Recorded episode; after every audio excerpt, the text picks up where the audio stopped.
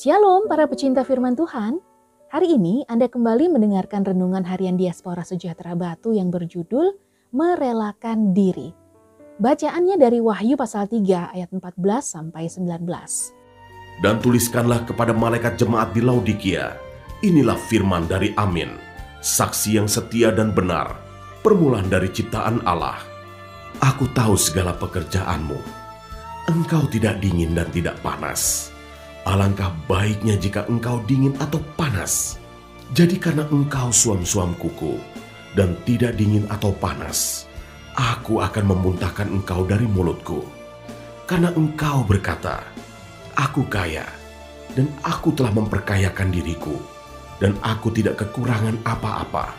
Dan karena engkau tidak tahu bahwa engkau melarat dan malang, miskin, buta dan telanjang, maka aku menasihatkan engkau, supaya engkau membeli daripadaku emas yang telah dimurnikan dalam api, agar engkau menjadi kaya, dan juga pakaian putih, supaya engkau memakainya, agar jangan kelihatan ketelanjanganmu yang memalukan, dan lagi minyak untuk melumas matamu, supaya engkau dapat melihat barang siapa kukasihi, ia kutegur dan kuhajar.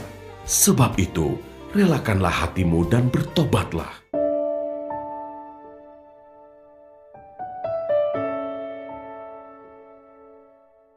Barang siapa kukasihi, ia kutegor dan kuhajar. Sebab itu relakanlah hatimu dan bertobatlah. Wahyu pasal 3 ayat 19. Setiap manusia tentu pernah ditegur, minimal teguran dari orang tua, dari teman, guru, atau dari orang yang lebih tua di sekitarnya. Memang, ketika ditegur biasanya reaksi normalnya adalah berusaha membela diri. Hal ini menunjukkan bahwa setiap orang memiliki suatu area di dalam dirinya yang tidak mudah dijamah oleh orang lain. Dan ketika area tersebut disinggung, maka mereka akan berusaha melindunginya. Hal yang sama nampaknya juga terjadi pada jemaat di Laodikia. Dalam bacaan saat ini, Tuhan mengobrak-abrik area pribadi dalam diri jemaat Laodikia. Tuhan melakukan hal itu karena dia hendak mendandani kehidupan umatnya yang suam-suam kuku.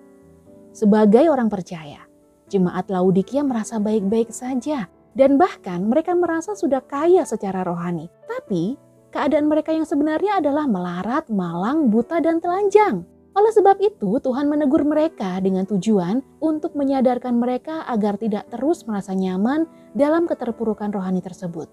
Jika dibiarkan, hal itu bisa mengakibatkan kematian secara rohani. Kondisi yang sama juga berlaku untuk kita saat ini. Jadi apabila kita ditegur Tuhan, yang harus kita lakukan adalah merelakan diri ini untuk dibenahi oleh Tuhan. Secara manusia memang tidak enak, tetapi hal itu justru akan membawa kebaikan untuk hidup kita.